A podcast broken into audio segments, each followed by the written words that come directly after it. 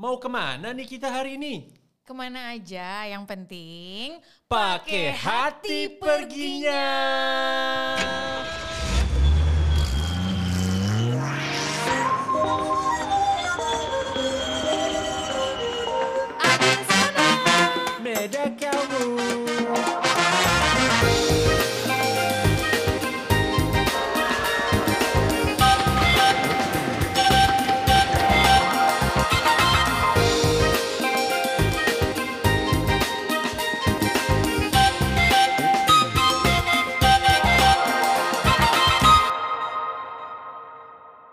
sih cara dapetin tiket diskon? Mau dong diinfoin cara kalian beli tiket murah? Promo tiket apa sih yang bagus? tiket murah, murah. Oke, murah gimana caranya? Ya masa mau Cukup. Oke, oke. Episode ini kita akan ngebahas cara dapetin tiket murah. That's why kali ini kita mau ngobrol berempat dengan para travel enthusiast yang sehari-harinya literally kerjaan mereka memang ngecekin tiket murah dan emang beneran keliling dunia pakai harga tiket yang kadang-kadang gak masuk akal murahnya. Yang pertama, ada Widi. Widi ini adalah seorang brand marketer dan aviation geek. Lu mau tau geeknya segik apa? Apa tuh? Beliau, wah tua banget. Dia sudah pernah nyoba 46 airlines dari 28 negara yang pernah dia kunjungi. Hmm, banyak. Nah yang kedua ini ada Shandy. Mau itu travel for leisure, mau itu travel for business, semua udah dilakukan. Bahkan pertanyaan yang sering gue ajukan ke dia nih Bi, kalau lagi teleponan, pertanyaannya adalah lo lagi di mana, di negara mana, di kota mana? Karena dia jarang banget ada di Jakarta. Jadi sebelum podcast ini kita undang dia, gue teleponan sama dia dulu, udah berapa negara sih yang lo kunjungin? Kita list deh satu-satu. Nah sekitar 40 negara yang sudah Shandy kunjungi. Hari ini kita akan kulik pengalaman para pemburu tiket ini termasuk tips and tricks mendapatkan tiket pesawat murah. Bisa domestik, bisa juga internasional tentunya.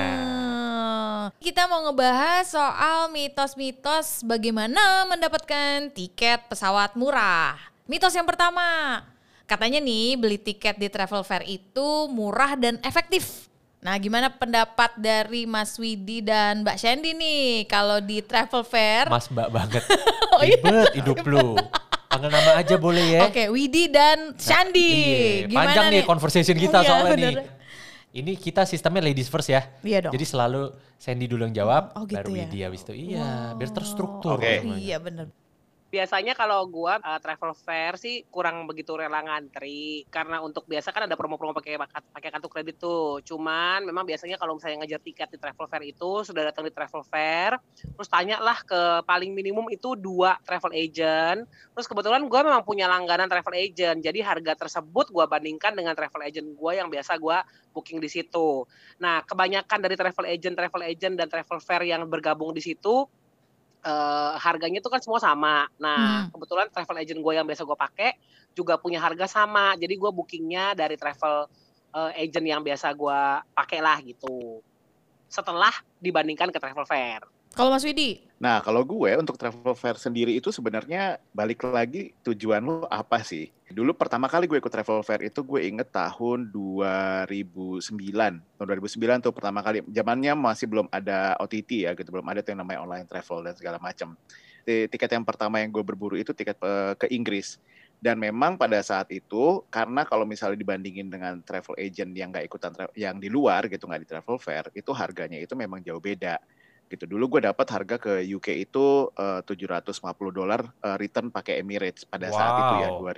2009 gitu. Nah, eh, apa namanya dan kalau misalnya punya kredit card tertentu gitu, itu nanti akan dapat diskon lagi. Tapi at that time memang emang agak-agak harus ngantri dan segala macam dan effort. Effortnya apa gitu? Karena lo akan duduk untuk mengantri di depan ibu-ibu atau sekeluarga di mana yang mereka bertanya, saya mau ke Jogja, enaknya hari apa yang murah ya gitu. Dan dia nggak tentu jadwalnya kapan, nggak tentu jamnya berapa. Oh ini naik apa Garuda? Boleh ganti batik nggak? Kalau batik berapa? Kalau Lion Air berapa? Ini Detail semuanya disebutin. Hmm. Jadinya menurut gua nggak worth it. Eh, untuk pengalaman kedua gue itu adalah eh, Singapore Airlines Travel Fair waktu itu. Nah pengalaman yang kedua itu juga tidak sangat tidak menyenangkan ya karena ketika hmm. waktu itu pertama kali gue datang ke sana itu pagi-pagi itu udah ngantriannya udah panjang sampai akhirnya gue ya udahlah gue mengurungkan niat juga gitu. Nah kemudian akhirnya gue datang tetap datang juga sih gitu gue tetap yang namanya juga memburu tiket ya gitu. Gue akhirnya tetap datang juga cuman gue datangnya itu udah kayak di hari keberapa di mana udah kosong. Ya which is harganya sih menurut gue sih cukup oke okay juga sih sebenarnya gitu. Uh, apa namanya pada saat itu. Uh, apalagi waktu itu dia kerjasama sama suatu bank juga gitu ya ada BCA yang punya Flyer juga gitu. Nah mm -hmm. itu harganya menjadi lebih oke. Okay. Nah terus abis itu sekarang tuh udah lebih modern karena gitu uh, kalau travel fair yang sekarang untuk yang offline yeah. mereka itu sekarang para travel agent itu udah mulai pakai digital ads Uh, jadi kalau misalnya lihat di Instagram mm -hmm. itu udah mulai banyak bermunculan tuh pre-booking, bukan pre-booking, pre-register. Yeah. Uh, pre-register kalau misalnya kita memang mau membeli uh, suatu tiket, jadi akan keluar uh, namanya siapa, nomor teleponnya berapa, rutenya ke mana, nanti akan dikontak sama sales representatifnya mereka.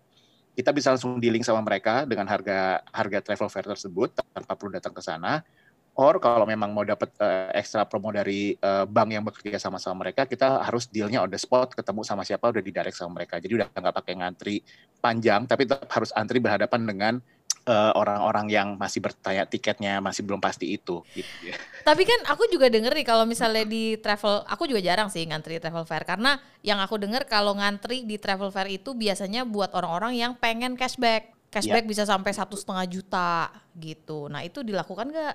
Sandy.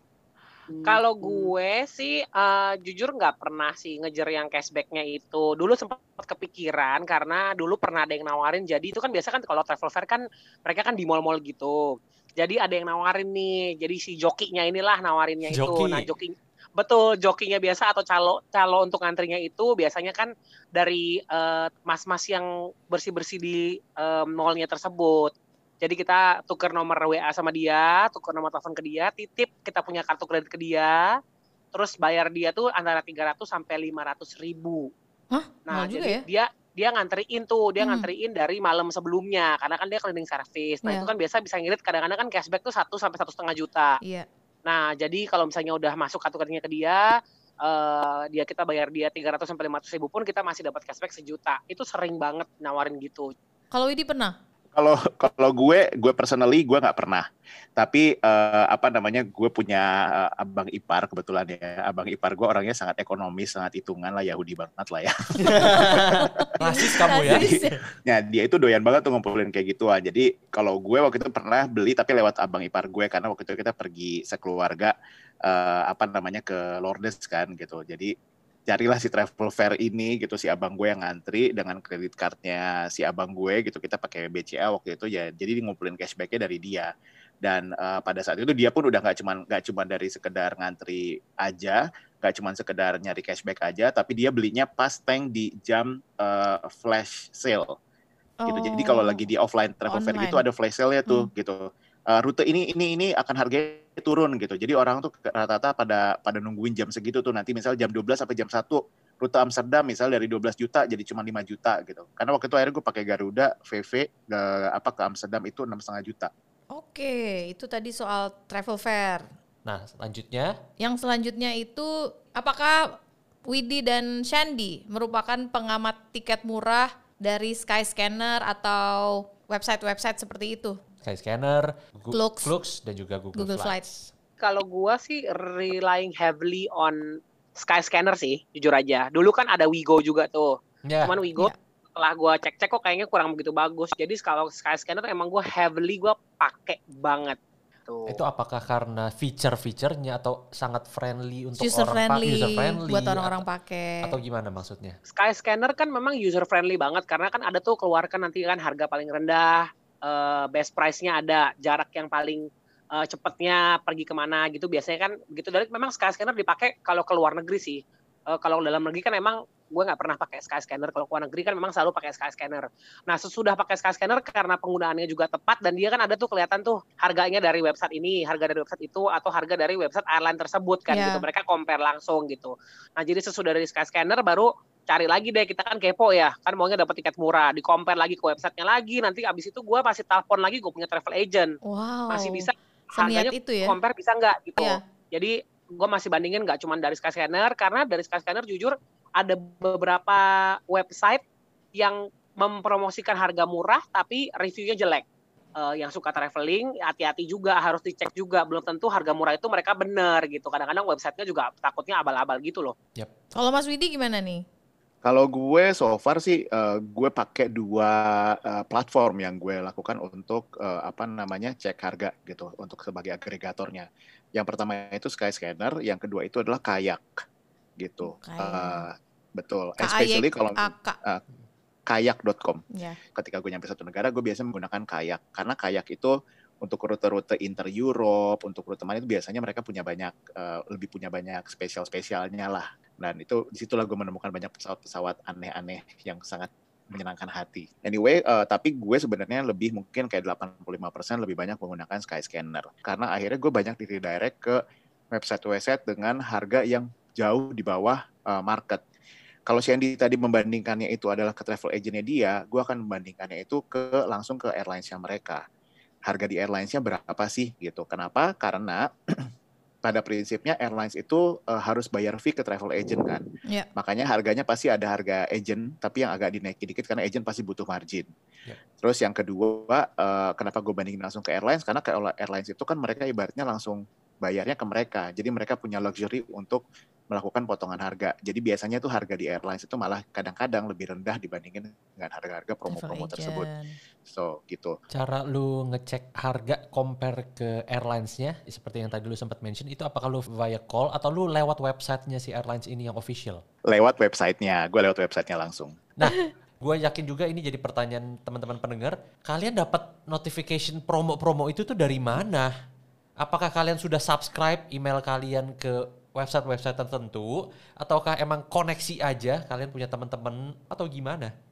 Bagaimana cara gue dapat notification soal promo-promo itu? Nah, itu sebenarnya itu butuh uh, ketekunan yang luar biasa, enggak ding? Jadi sebenarnya sebenarnya gampang aja sih.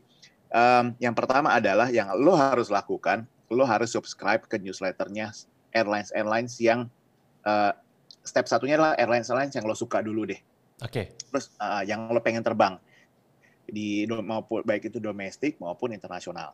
Uh, kenapa? Karena airlines itu pasti akan ngeluarin promo-promo bahkan ketika tidak saatnya promo gitu. Dan lo harus uh, ya sering-sering lah rajin-rajin tuh buka email-email yang mungkin masuknya ke dalam folder yang nggak pernah lo buka gitu ya. Karena kadang-kadang promonya tuh luar biasa gitu. Hmm. dan itu nggak pernah dia lakukan uh, promosi gila-gilaan. Jadi biasanya tuh promo-promo yang luar biasa ini tuh akan keluarnya itu cuma di rute-rute tertentu gitu. Karena dan itu lewat newsletter. Betul. Kenapa? Karena mereka lagi mau naikin load factor di uh, apa namanya rute tertentu.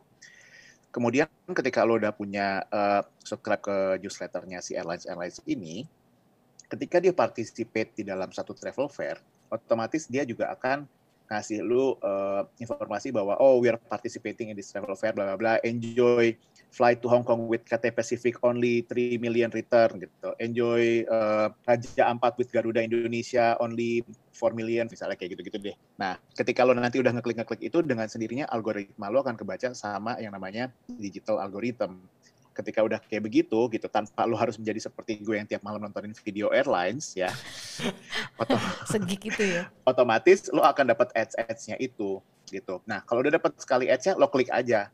Ketika lo udah sekali ngeklik eh, algoritmanya udah akan ngelihat bahwa lo itu punya interest ke situ. Nantinya lo akan ditembakin terus tuh dengan ads adsnya dari nice. apa ads digital dari si travel fair ini gitu. Oke mitos selanjutnya nih. Lo percaya nggak kalau misalnya tiket itu paling murah ya terbang itu di hari Selasa atau hari Rabu. Ini banyak banget yang beredar. Terbang di hari Selasa atau beli tiketnya di hari Nggak, Selasa? terbangnya oh, di hari Selasa, hari Selasa atau hari Rabu. Nah. Assalamualaikum Sandy. Assalamualaikum. Aduh, nah itu dia tuh gue rada-rada bingung jawabnya karena kebetulan kalau gue memang uh, kalau perginya domestik kan kebanyakan buat kerjaan. Jadi nggak bisa pilih hari kan kalau kerjaan tersebut. Tapi kalau untuk luar negeri, jujur gue nggak percaya mitos tersebut. Uh, nah kalau luar negeri kan satu pasti gue buka dulu Skyscanner. Setelah gue buka Skyscanner, gue buka tiket.com. Setelah itu gue buka juga websitenya dari airline tersebut. Terus gue kontak travel agent gue. Itu simultaneously, parallelly gue akan lakukan itu. Nah, yang murah yang mana itu yang gue ambil kalau gue gitu. Cuman kalau misalnya keluar negeri memang kalau menurut gue Selasa itu menurut gue nggak ada sih yang lebih murah di Selasa Oke, jadi Sandy tidak percaya dengan mitos Tidak tersebut. percaya yang keluar negeri. Kalau yang ke dalam negeri masih 50-50. Oke. Eh, Widi, Oke, jadi kalau gue eh, mungkin bisa dibilang eh, cukup percaya dengan mitos tersebut ya bahwa penerbangan paling murah itu harga penerbangan paling murah ada di hari Selasa dan juga eh, Rabu.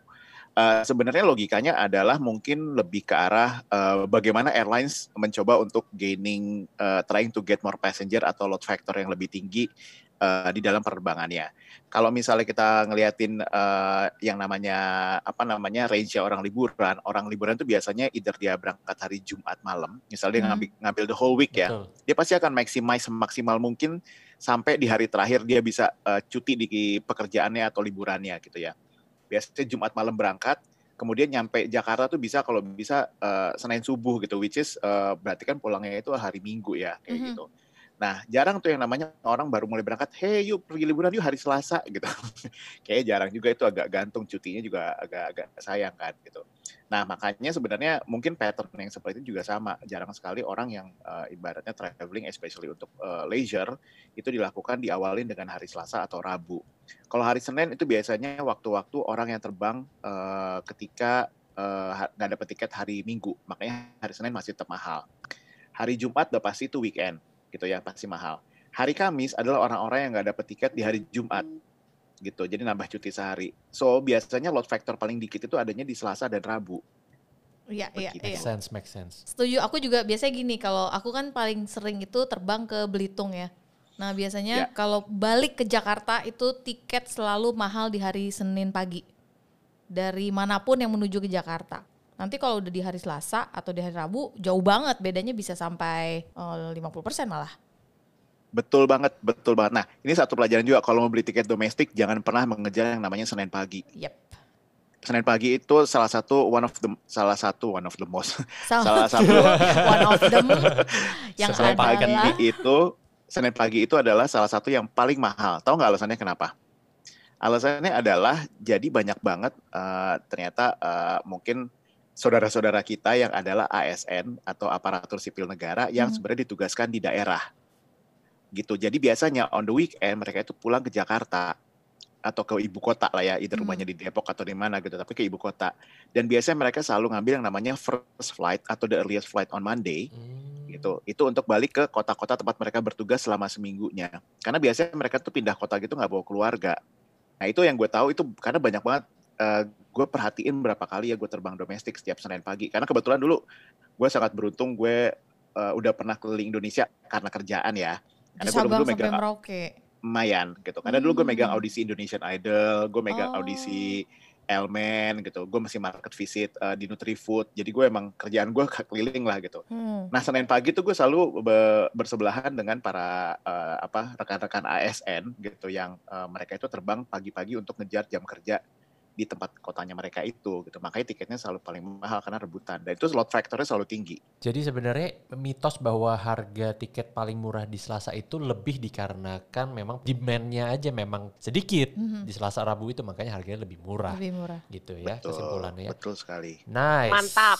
Kita lanjutkan ke mitos selanjutnya.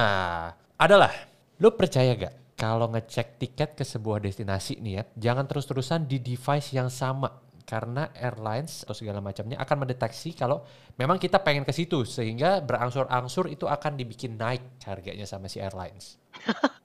gue gue tuh percaya nggak percaya sih. Percaya nggak percaya kadang-kadang tuh bener gitu. Gue jujur sebenarnya gue nggak percaya. Tapi eh, setelah gue menjalaninya kok kayaknya jadi percaya gitu ya. jadi kan soalnya kan dicari-cari terus cari terus cari terus gitu. Jadi kayaknya kok naik naik naik terus gitu harganya gitu. Jadi eh, membuat semakin lebih kepengen bayar sih. Nah mungkin Mas Widi bisa menjelaskan bagaimana tuh eh, prosesnya atau benar atau enggak. Kalau gue sih gue percaya nggak percaya sih. Jadi sekarang gue akan bilang percaya sih Jadi kalau gue percaya banget kenapa? Karena yang kalau apalagi kalau kita bookingnya itu eh, online ya pasti gitu kalau bookingnya online. Iya. Kenapa? Karena eh, si eh, sistemnya dari si eh, apa namanya website booking itu di mana pun itu, baik itu direct to airlines maupun dari agregator atau maupun dari OTT gitu, eh, mereka itu akan eh, ngetek yang namanya IP address-nya kita dan meta taggingnya itu udah segala macem lah gitu. Yang akhirnya kalau kita udah beberapa kali kita ngeliatin di destinasi yang sama, tanggal yang sama di di jam yang sama gitu, dia makin lama tuh harganya akan especially kalau misalnya di airlines langsung ya, itu sih harganya sih akan jadi luar biasa. Sebenarnya ada cara ngakal ini adalah kalau misalnya mau searching, especially kalau misalnya lo masih ragu-ragu, iya enggak, iya enggak, tapi lo pengen, kan gitu ya, lo pengen tapi iya enggak, iya enggak gitu. Iya, ya jadi masih nyari-nyari, masih memburu, masih belum Betul, gitu, yakin. antara mau banget tapi sebenarnya banyak pertimbangan gitu Iya. kan. Nah, lu carilah dengan menggunakan incognito window. Nah, kalau misal di browser kita, misalnya contohnya pakai Chrome gitu, gue selalu pakai Chrome. Itu ada yang namanya incognito tab atau incognito window, incognito mode lah basically. Ya. Kenapa? Karena eh, buat teman-teman yang suka kegiatan-kegiatan tidak sehat, mungkin sudah terbiasa dengan yang namanya incognito tab ini. Jadi ternyata incognito ini tidak hanya untuk Dipakai nonton nyari- porno ya. Jadi bisa buat tiket. positif juga Iya nih ya positif. sekarang ya. Itu Oh, tinggal boleh. klik Loh, new Oh iya, incognito maaf, maaf, maaf. window. Eh, menghilangkan eh bukan menghilangkan menyembunyikan IP address-nya dan eh, apa namanya eh, IP address dan juga meta taggingnya kita gitu. Jadi itulah kenapa makanya eh, apa namanya si si mesinnya eh, airlines ini atau mesinnya tempat eh, tempat booking tiket ini nggak akan bisa ngedetect kalau kita punya interest ke situ berkali-kali. Pernah kan eh, misalnya gini, pernah nggak ada yang buka booking.com, misalnya sekali aja gitu lo pengen ke Bali gitu, buka booking.com. Booking.com tuh menurut gue yang paling jago targeting dan retargeting ads-nya dia kalau lu udah buka ke Bali sekali, abis itu seumur hidup lo tuh ya sampai lo booking ke hotel ke Bali yang Iya. keluar tuh Bali terus. Iya. Bener banget.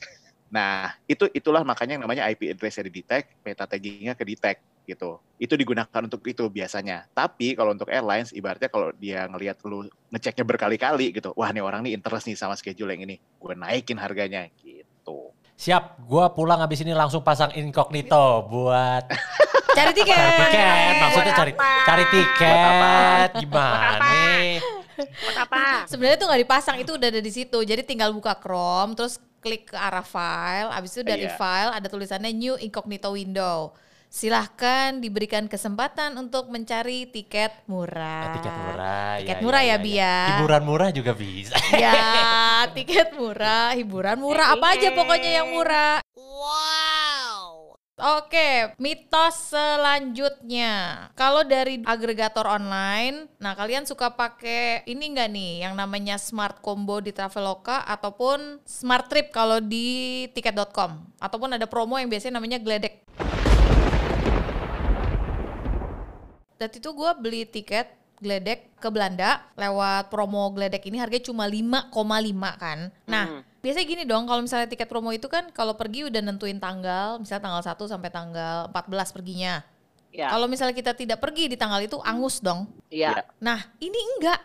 Jadi pas gue pesen gue kan udah kayak wah gila gue ke Belanda cuma 5,5 gue bikin aja sebulan. Jadi gue waktu itu gue udah pesen ternyata along the way sebelum nyampe ke tanggal 19 September gue ada kerjaan yang nggak bisa gue tinggalin. Terus gue bilang aduh yaudah deh gue coba rubah tanggal pulangnya aja nih. Jadi mundur dua minggu gue pergi cuma dua minggu akhirnya gitu kan. Misalnya gue telepon dong orang apa namanya Etihadnya. Dia bilang oh ini bisa kok diganti tanggalnya dengan penambahan penambahannya pun cuma 2,9 Oh Ya. jadi masih oke banget. masih oke banget gitu Iya, dan iya, iya. gue iseng lagi yang kedua gue tanya oh kalau misalnya gue mau ganti tanggal perginya juga bisa nggak bisa juga dengan harga yang sama jadi ternyata 2,9 itu adalah harga yang fix untuk mau ganti mau lu mau ganti cuma tanggal pulangnya doang mau lu ganti cuma tanggal perginya doang atau lu mau ganti tanggal pulang dan tanggal pergi harganya tetap 2,9 Oke banget dong. oke banget jadi dulu yang per- dulu yang pernah gue mau pakai cuman itu doang yang ke Korea. Korea Uh-huh. dua setengah juta uh-huh. Sama sama ke Aussie lima setengah pulang pergi. Cuma maksudnya itu waktu itu gue sempat mau pergi terus kayak nggak jadi gitu. Jadi Tapi gua udah beli angus kan? Gitu. Nggak angus. Tapi Iya. memang itu kan udah pasti pergi masalahnya kan gitu. Hmm, Itu biasanya short trip short trip kebanyakan setahu gue geledek Hmm. itu nggak mungkin tanggal atau ya mungkin Mas Yudi lebih tahu. Cuman kalau gue biasa Hmm. setahu gue itu setahu gue itu kalau geledek itu nggak bisa peak season gitu. Ada penjelasannya kok itu. coba Jadi, dijelaskan sekarang Baik, eh, rekan-rekan semuanya, saya akan menjawab. Izinkan saya menjawab dalam bahasa Inggris. Oke, jadi eh, gue, Yes. ya gue gue pakai promo-promo yang ada di eh, OTT itu ya, gitu di baik itu Traveloka maupun di tiket.com gitu dengan eh, option-optionnya mereka gitu.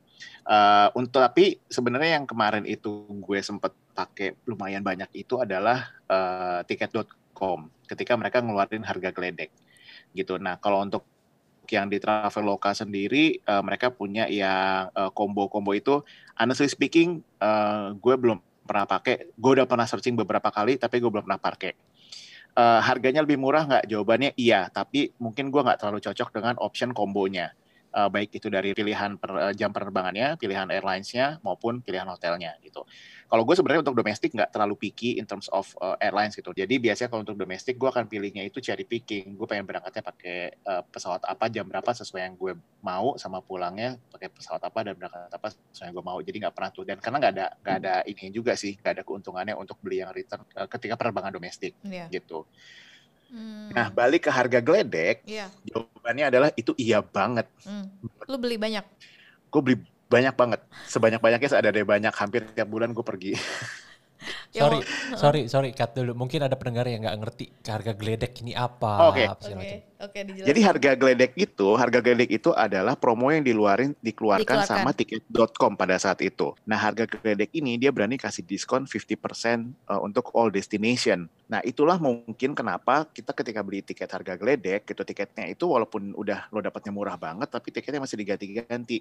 Kenapa? Karena 50% yang bayarin itulah tiket.com. Jadi sebenarnya lo bisa dapat harga ekonomi yang full fare tapi 50%-nya dibayarin sama tiket.com. Jadi eh, ketika promo tiket.com si harga geledek ini keluar pada saat waktu itu tahun berapa ya? 2000 18 eh enggak 2019, 19 19 19 19. Betul. Di 2019 itu tuh eh, akhirnya ya gue agak lumayan belagu dengan membeli tiket berbagai macam destinasi ya, baik domestik maupun internasional dengan durasi durasi ibaratnya kayak gue liburannya itu kayak cuman weekendan doang, jadi kesannya kayak agak belagu. Tapi bukan belagu karena emang tiketnya waktu itu murahnya seadanya murah sih. Banget. Gitu. Sampai yang paling gongnya itu adalah eh, gue dapetin tiket ke San Francisco return Mhm. itu 7 juta Hah? gitu. Buset. Amerika 7 juta Naik. Amerika. Naik naik apa itu? Naik apa itu? Naik China Airlines. Oh. Jadi tuh, Ah, ah, bagus. Bukan China Southern kan? Bukan, bukan China Airlines itu bagus banget Mhm. gitu. Dan gue emang uh, beberapa kali gue naik China Airlines emang jujur gue kepincut karena servisnya dia bagus banget dan kabinnya bagus, makanannya juga enak gitu. Menurut gue lebih enak daripada EVA Air. Hmm. Stewardessnya boleh. cantik lagi ya. Cantik. Dede-dede gitu Dede-dede. kayak uh, Hello Kitty. Hmm, jadi serem ya. Gue kebayangin ya. Wanita-wanita kekucingan gitu Iya. ya. Oke oke balik lagi. Jadi gitu yang si harga geledek tuh gitu. Nah enaknya harga geledek kemarin itu adalah karena lo dapat itu nggak ada blackout date-nya juga satu sama yang kedua basically 50% of anything you pay itu dibayarin sama si tiket.com. Oke, mitos terakhir. Percaya nggak sama akun-akun Instagram yang jual tiket murah sekarang bertebaran di Instagram? Contohnya, Kayak promo trip, kayak tiket apa? Eh, percaya kok kan jadi basically ada tuh yang namanya eh, ada Kaiwa Travel, ada What Travel. Kebanyakan memang tapi mereka ju- bukan jual eh, bukan jual tiket only tapi mereka tiket and tour. Nah, belum lama ini aja lagi pandemi ini aja di What Travel itu lagi buka ke Turki sudah tur eh, 8 hari ya 11 juta udah pakai udah pakai tiket dan udah pakai ini murah sih. Nah kemarin ini gue coba iseng-iseng nih karena kan Turki kan kemarin sempat buka tuh. Hmm. Jadi gue coba iseng-iseng buat Desember besok ini tanggal 20-an tuh kalau ke Turki eh, mereka dari What Travel tuh bisa kasih berapa sih gitu. Jadi gue WhatsApp tuh ke sana, gue tanya kalau gue mau pergi lima orang misalnya, gue mau pergi lima orang, terus gue tanyain tiket lu bisa kasih berapa, hotel bisa kasih berapa. Eh, dengan saat yang bersamaan gue buka deh tuh Skyscanner, gue buka dari tiket.com untuk cari-cari tiket ke Turki gitu. Jadi kalau misalnya dibilang percaya atau enggak percaya sih. Mereka bisa kasih murah juga. Cuman kan karena mungkin eh, orang-orang seperti Mas Widi dan seperti saya mungkin kepo dengan melihat website-website lain. Semakin murah semakin baik. Ya kan Mas Widi Oke, kalau gue iya gue uh, di Instagram gue fol- follow Walau. Halal. Eh, di Instagram iya gue follow eh, beberapa account eh, tiket-tiket murah kayak Secret Ticket, eh Secret Ticket Hunter, kalau nggak Secret Ticket Hunter, kemudian ada Travelia, Travel Travelista, apalah gue lupa gitu ya. Dan eh, apa namanya, gue udah cobain juga beberapa gitu, ada beberapa eh, nggak banyak kayak dua tiga kali gitu, dan emang harganya tiketnya lebih murah. Eh, biasanya tuh mereka memang punya punya ibaratnya kerja sama sama airlines juga yang ngejualin voucher voucher gitu. Makanya emang mereka selalu kalau misalnya kalian lihat dan follow follow di apa namanya di Instagramnya mereka pasti ketika ngeluarin tiket eh, rute tertentu pasti ada ada disclaimernya which is disclaimernya adalah siapa cepat dia dapat atau enggak limited slot apalah bla bla bla yang kayak gitu. Oke. Karena emang eh, emang secara quantity emang tidak tidak akan banyak gitu. Jadi gue sangat tidak menyarankan especially kalau kalian akan perginya in a big group Hmm. gitu. Oke, izinkan saya untuk mencoba menyimpulkan Izinkan aku. Senoparti, Senoparti, Senoparti. Izinkan saya untuk menyimpulkan bagaimana cara untuk kita bisa mendapatkan tiket murah versi Sandy dan juga dari Widi. Tolong direvisi kalau misalkan ada salah dan juga tolong untuk ditambahkan lagi ya kalau ada yang kurang ya. Yang pertama adalah simpelnya aja kita cari koneksi dari travel agent yang bisa kita pegang untuk terus-terusan kita tanyain nih. Coba eh update dong, ada nggak tiket ini kayak gitu-gitu ya. Istilahnya punya orang dalam. Iya, punya orang dalam. Ini simpel nih, cara paling mudah nih dan jelas gitu ya. Yang kedua kalau misalnya kita mau eh, lebih mendapatkan gairahnya, sensasinya nyari nyari tiket sendiri, Berburu tiket. berburu tiket ya kan, ada kepuasannya tersendiri. Itu pertama adalah make sure dulu di website kita pakai mode incognito Iya. supaya tidak terrecord gitu ya. Kita nyariin ini terus nanti harganya dibikin naik sama si airlines ya. Itu yang pertama. Yang kedua adalah kalau misalkan mau cari tiket secara logika memang akan lebih murah jatuhnya kalau misalkan kita beli di hari Selasa ataupun Rabu. Khusus untuk domestik jangan coba-coba untuk beli tiket yang terbangnya di hari Senin pagi. Ya. Ya, karena itu akan jadi harga yang paling mahal. Kemudian cara yang selanjutnya adalah dengan membandingkan harga. Harus rajin-rajin bandingin harga dari website-website seperti Skyscanner, Kayak, Klook dan sebagainya macamnya di compare semua termasuk juga di compare dengan harga di website airlines tersebut dan juga jangan lupa untuk cek-cek eh, Instagram account yang menyediakan promo-promo pesawat kemudian juga eh, paket-paket gledek dari tiket.com, paket-paket combo dari Traveloka dan sebagainya macamnya itu juga bisa dicek gitu ya untuk mendapatkan harga terbaik. Benar sekali. Betul, betul, betul, betul, betul. Punya tambahan tips and tricks yang buat tiket murah nggak? Eh, kalau gue nih orangnya suka banget plan my trip ahead gitu. Jadi eh, mungkin salah satu tipsnya kalau misalnya udah tahu mau ke mana, baru kita cari tiketnya. Jangan nanti lihat tentang tiket murah malah jadi boros deh gitu. Karena begitu travel fair, eh udah deh impulsif nih gitu. Yes. Kalau gue mungkin tipsnya adalah eh, satu eh, setuju tadi sama Sandy, mungkin bukan plan your trip ahead karena gue agak lumayan impulsif, tapi lebih kayak gini. Lo, lo mungkin dia udah bercita-cita dulu lo pengen ke mana gitu, misalnya di sepanjang tahun itulah gitu. At least udah punya gambaran lo akan pergi ke destinasi A, B, C, D gitu. Mhm. Nah, nanti impulsifnya itu adalah terjadi ketika lagi promo.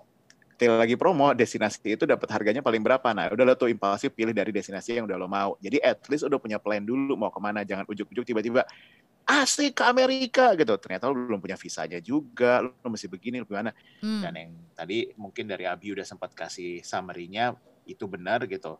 Step pertama yang paling penting adalah mendingan lo eh, satu follow Instagramnya airlines ya, eh, major airlines tentunya. Terus yang kedua adalah subscribe ke newsletternya mereka karena lo niscaya lo akan mendapatkan promo-promo yang mungkin tidak akan ada di mana-mana kelihatan, tapi lo akan dapat duluan. Dalam hidup ya begitu ya, ada untuk mendapatkan sesuatu ada yang lo harus korbankan. Dengan lu mau dapet tiket lebih murah, ya kita save money berarti kan, berarti harus ada energi lebih yang lo korbankan, ada waktu lebih juga yang lo harus luangkan. Untuk berburu tiket murah. Bener. Oke, terima kasih banyak. Shandi, Widi. Yeay. Shandi, Widi, Abi, Medi. Kurang lucu Meda ya. Yuk belajar lagi yuk. Oke, nanti besok saya belajar lagi ya biar lebih lucu.